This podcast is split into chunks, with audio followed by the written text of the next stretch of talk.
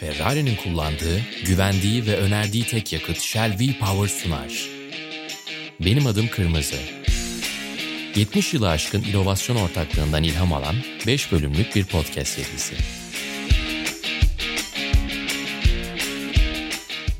Sokrates Shell İşbirliği ile hazırladığımız Benim Adım Kırmızı'nın 5. bölümüne hoş geldiniz. Final bölümümüzde yine ben Barkın Kızıl, Mali Selişik'le beraber bu kez biraz daha yakın döneme ışık tutmaya çalışacağız. Mali hoş geldin. Hoş bulduk.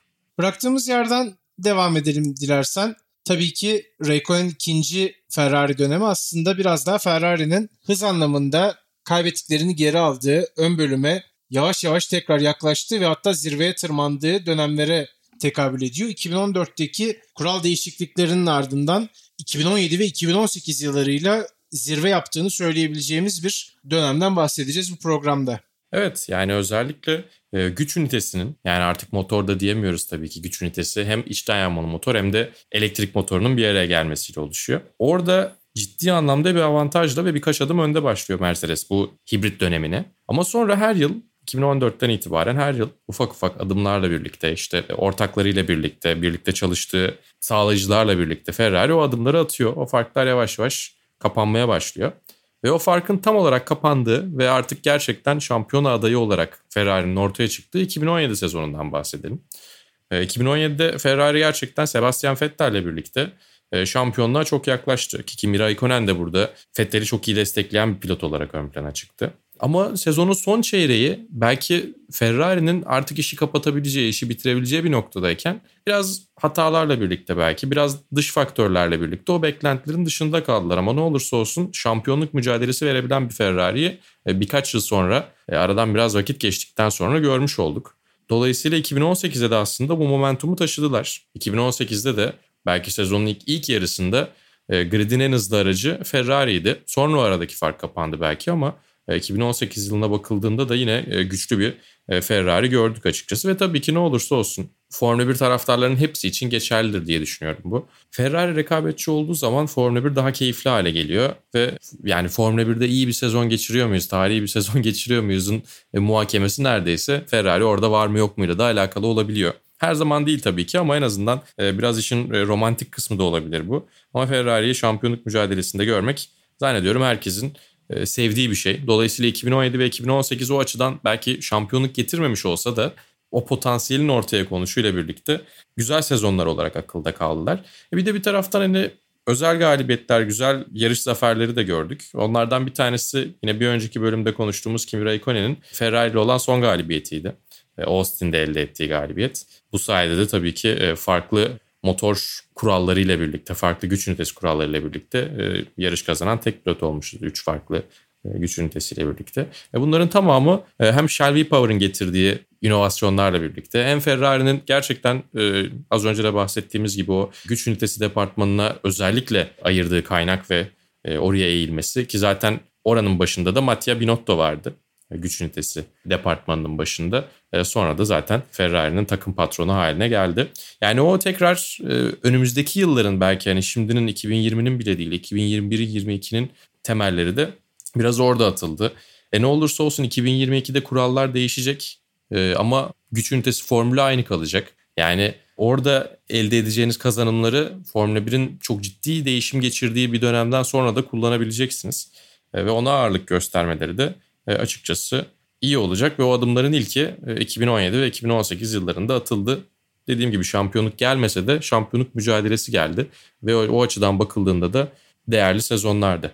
Tabii Formula 1'in ortamını düşündüğümüz zaman biraz geriye düştüğünüzde aslında bunun bir kartopu etkisi yaratabileceğini biliyoruz. Buna karşın Ferrari senin de dediğin gibi çok iyi toparlandı ve özellikle de 2018 yılında muhtemelen Grid'in en hızlı aracını tekrar yakalamayı başardılar. Güç ünitesindeki gelişimlerle beraber.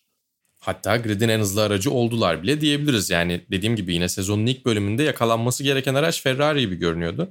Ve e, 2014'ten beri başlayan o hibrit dönemde e, pek Mercedes dışında bir aracın geçilmesi gereken araç olduğunu görmemiştik. O rüzgarın geriye dönüşüyle birlikte de e, biraz güzel görüntüler elde etmiştik. Çünkü ne olursa olsun dediğim gibi şampiyonluk ne kadar mücadele edilirse o kadar keyifli, o kadar değerli hale geliyor. Daha önceki bölümlerimizde de bahsettik. Her bahsettiğimiz şampiyonluk mücadelesi aslında karşısındaki rakibin de kalitesiyle birlikte değerleniyor.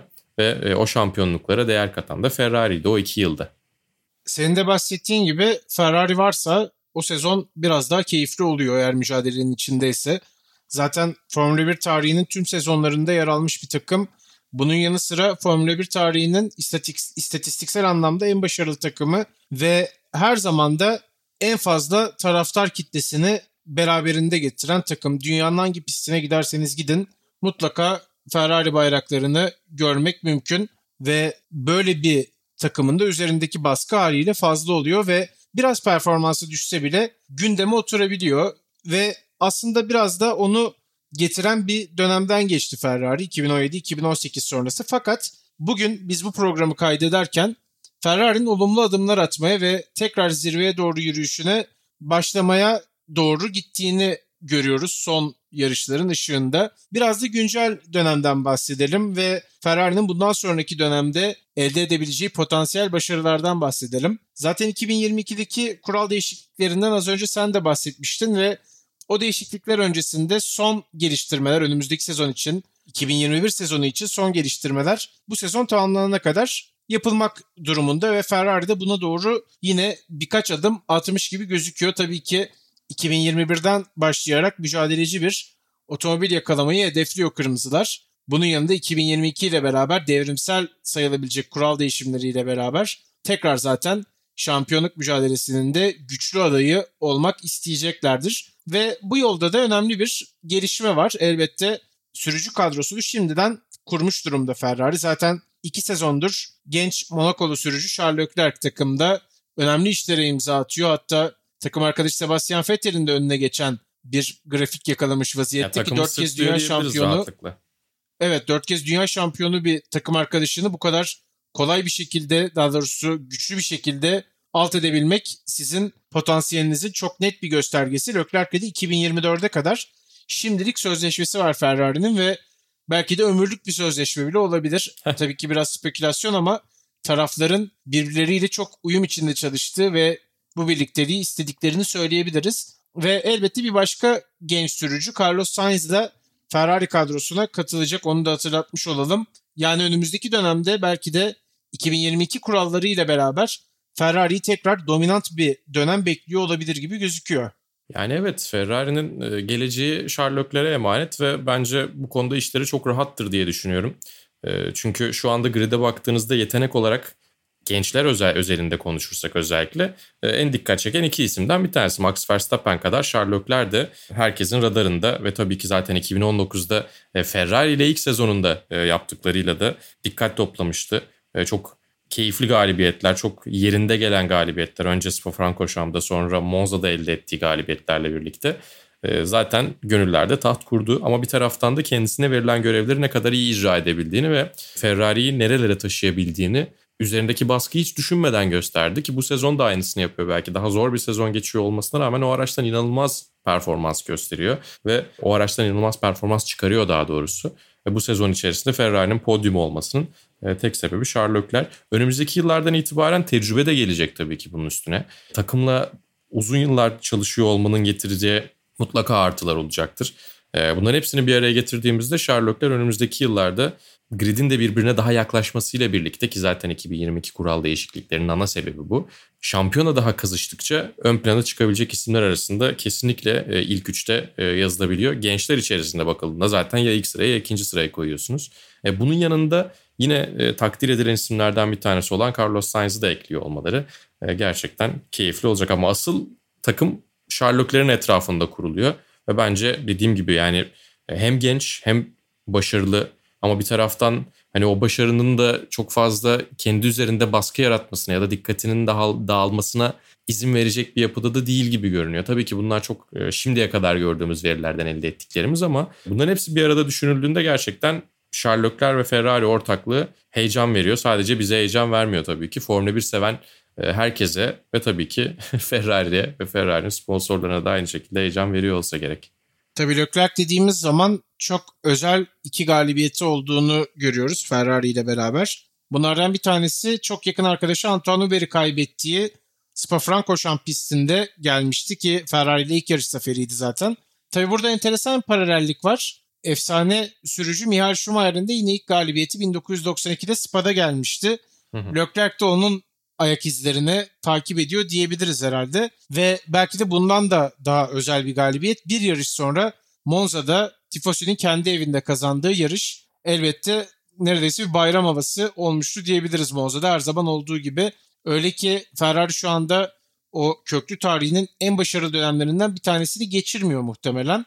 Buna karşın Monza'da kazanmak ve böyle şartlarda kazanmak her zaman Ferrari taraftarının çok büyük coşkuyla karşıladığı bir durum. Çok özel iki galibiyeti var Leclerc şimdiden ve bundan sonra da gelecek galibiyetlerin herhalde iyi bir altyapısını oluşturduğunu söyleyebiliriz. Şunu da göz önünde bulundurmak lazım tabii ki yarış dünyasında ilk galibiyetinizi ya da işte ondan sonraki galibiyeti almak her zaman üzerinizden baskı alan bir faktör. Doğru. Ve bu baskıyla nasıl baş edeceğini yalnızca Formula 1 değil Formula 1 öncesi zamanından biri biliyor e, Charles ki zaten 2017 Formula 2 sezonunda da e, ciddi anlamda e, zor dönemler geçirmesinden rağmen babasını kaybetmişti o sezonda.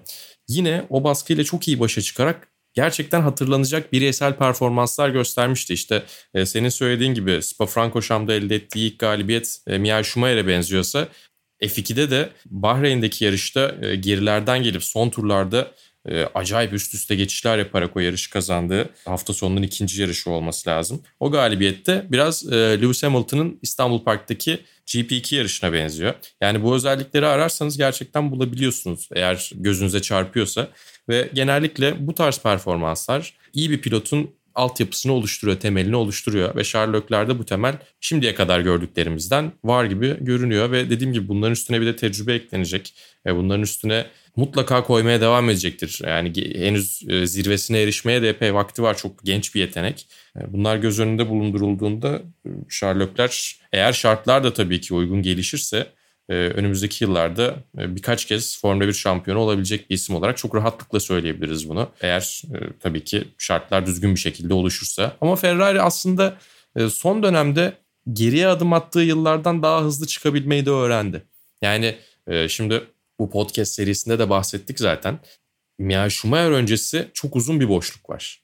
Ama o boşluğun benzerini artık e, Scuderia Ferrari yaşayacak gibi durmuyor Formula 1'de. Yani birkaç senelik maksimum birkaç senelik e, geri adımlar sonrasında tekrar şampiyonluk potasına kendilerini atmayı başarabiliyorlar. E, onu öğrenebilmek de bir takım olarak e, onları çok başka bir seviyeye getiriyor. Ne kadar köklü olursanız olun çünkü benzer örneklerini görüyoruz sonuçta e, Williams'da olduğu gibi. Sizin etrafınızdaki partnerlerinizle birlikte aynı şekilde şirket yapılanmanızla birlikte, aynı şekilde takım içerisindeki organizasyonunuzla birlikte belli bir iskeleti oluşturmanız gerekiyor ve kötü bir sezon geçiriyor da olsanız minimum buraya ineriz. Bir iki sene sonra maksimum toparlanırız diyebilecek bir seviyeye gelmeniz gerekiyor ve onu yaparsanız gerçekten e, zirvede kalabiliyorsunuz ki herhalde sen de katılacaksındır Barkın. E, zirvede kalmak zirveye çıkmaktan çok daha zor.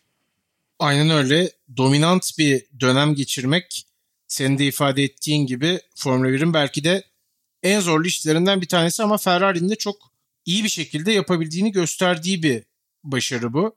Belki de önümüzdeki yıllarda yine Leclerc'in başrolünde olduğu bir dominantlık sağlanabilir. Tabii Leclerc'le ilgili bir de şöyle bir verimiz var aslında elimizde. Yeni nesil diye tabir edebileceğimiz sürücülerden bir tanesi. Aslında sadece Formula 1'de değil birçok sporda başarı yaşı biraz daha aşağı doğru geldi. Gençlerin öne çıktığını görebiliyoruz. Ama tabii bu gençlik ateşi diyelim yeni neslin getirmiş olduğu farklı şartlarda yetişme ortamı biraz daha hayranlarla da farklı bir bağ kurma olayını birlikteliğinde getiriyor. Leclerc de aslında Formula 1 pistinde olmadığı anlarda hayranlarıyla buluşmayı seven bir isim. Özellikle internetteki belli platformlarda yaptığı yayınlarla hatta o yayınlarda bazen tercih ettiği enteresan kostümlerle farklı bir yapıda bir isim olduğunu da gösteriyor bizlere. Çok eski kafa diyebileceğimiz Formula 1 sürücülerinden aslında fersah fersah ayrılan bir jenerasyon bu ve o jenerasyonun en büyük yıldızlarından bir tanesinde Ferrari'nin yakalamış olması. Hatta Leclerc'in de Ferrari'ye bir gönül bağı kurmuş olması, bir sevgi duyuyor olması bence Ferrari için de çok önemli, Leclerc için de çok önemli. Evet tabii ama şöyle bir durum var. Yani Formula 1'e gönül vermişse, motorsporlarına gönül vermişse Ferrari'ye gönül verenler ve Ferrari'ye gönül verdiğini belli etmeyenler var profesyonellik sebebiyle. E, o yüzden Sherlockler de zaten diğer sürücülerden o açıdan çok farklı değildir diye düşünüyorum. Çünkü yani Sebastian Vettel'in bir ara söylediği gibi herkes Ferrari taraftardır. Ferrari taraftarı olmayanlar bile bir şekilde Ferrari taraftardırlar diyor. Ama işin o kısmını bir kenara bırakırsak senin de söylediğin gibi e, yeni nesil Formula 1 pilotları, yeni nesil sporcular aslında belki e, daha ulaşılabilir olmayı seçiyorlar, tercih ediyorlar. Çünkü trend oraya doğru gidiyor. Eskiden daha ulaşılmaz olmak prim yapıyorken şimdi daha günlük hayatını görebilmek onların. İşte senin de söylediğin gibi internet platformlarındaki e, canlı yayınlarla birlikte biraz onu e, aktarabiliyor olmaları güzel. Belki işte bu Covid dönemindeki e, karantina biraz onlara yaradı. Biraz daha onların insani yönlerini görebildik ve Sherlockler de en şevkli bir şekilde bu işe girenlerden bir tanesiydi. Monaco'daki evinden sürekli yayınlar yapıyordu. Hemen de alıştı. Hemen kendisine böyle güzel bir kitle toparladı. Ve oradan da zaten belki normalde Formula 1'i takip etmeyen ama oyun dünyasını, simülasyon dünyasını takip edenler varsa onları Formula 1'e de kazandırdı ki bence bu neslin en büyük avantajlarından bir tanesi o olacak. Yani daha önce e, motor sporlarının Formula 1'in ulaşmadığı yerlere e, bu şekilde e, ulaşabilecek bir pilot nesli var. Ve onlar önümüzdeki 10 senenin Formula 1 taraftarlarını da kazanacaklar belki. Ve e, bunu yapabilmek için bütün büyük spor dalları aslında çok ciddi araştırmalar yapıyorlar. E, reklam kampanyaları yürütüyorlar. Benzer şeyler yapıyorlar ama bazen bu kadar organik, bu kadar samimiyet e, üzerinden giden bazı şeylerle de e, o seyirci kitlesini toplayabiliyorsunuz. E, biraz Sherlock'lerin o samimiyeti, o bizden biri yaklaşımı da güzel. Ama bir taraftan da hani bir Formula 1 pilotu olduğunu belli ediyor. Yani o aurası, o havası da var. O ikisinin arasındaki güzel denge aslında e, yine Sherlock'leri ayırıyor diyebiliriz.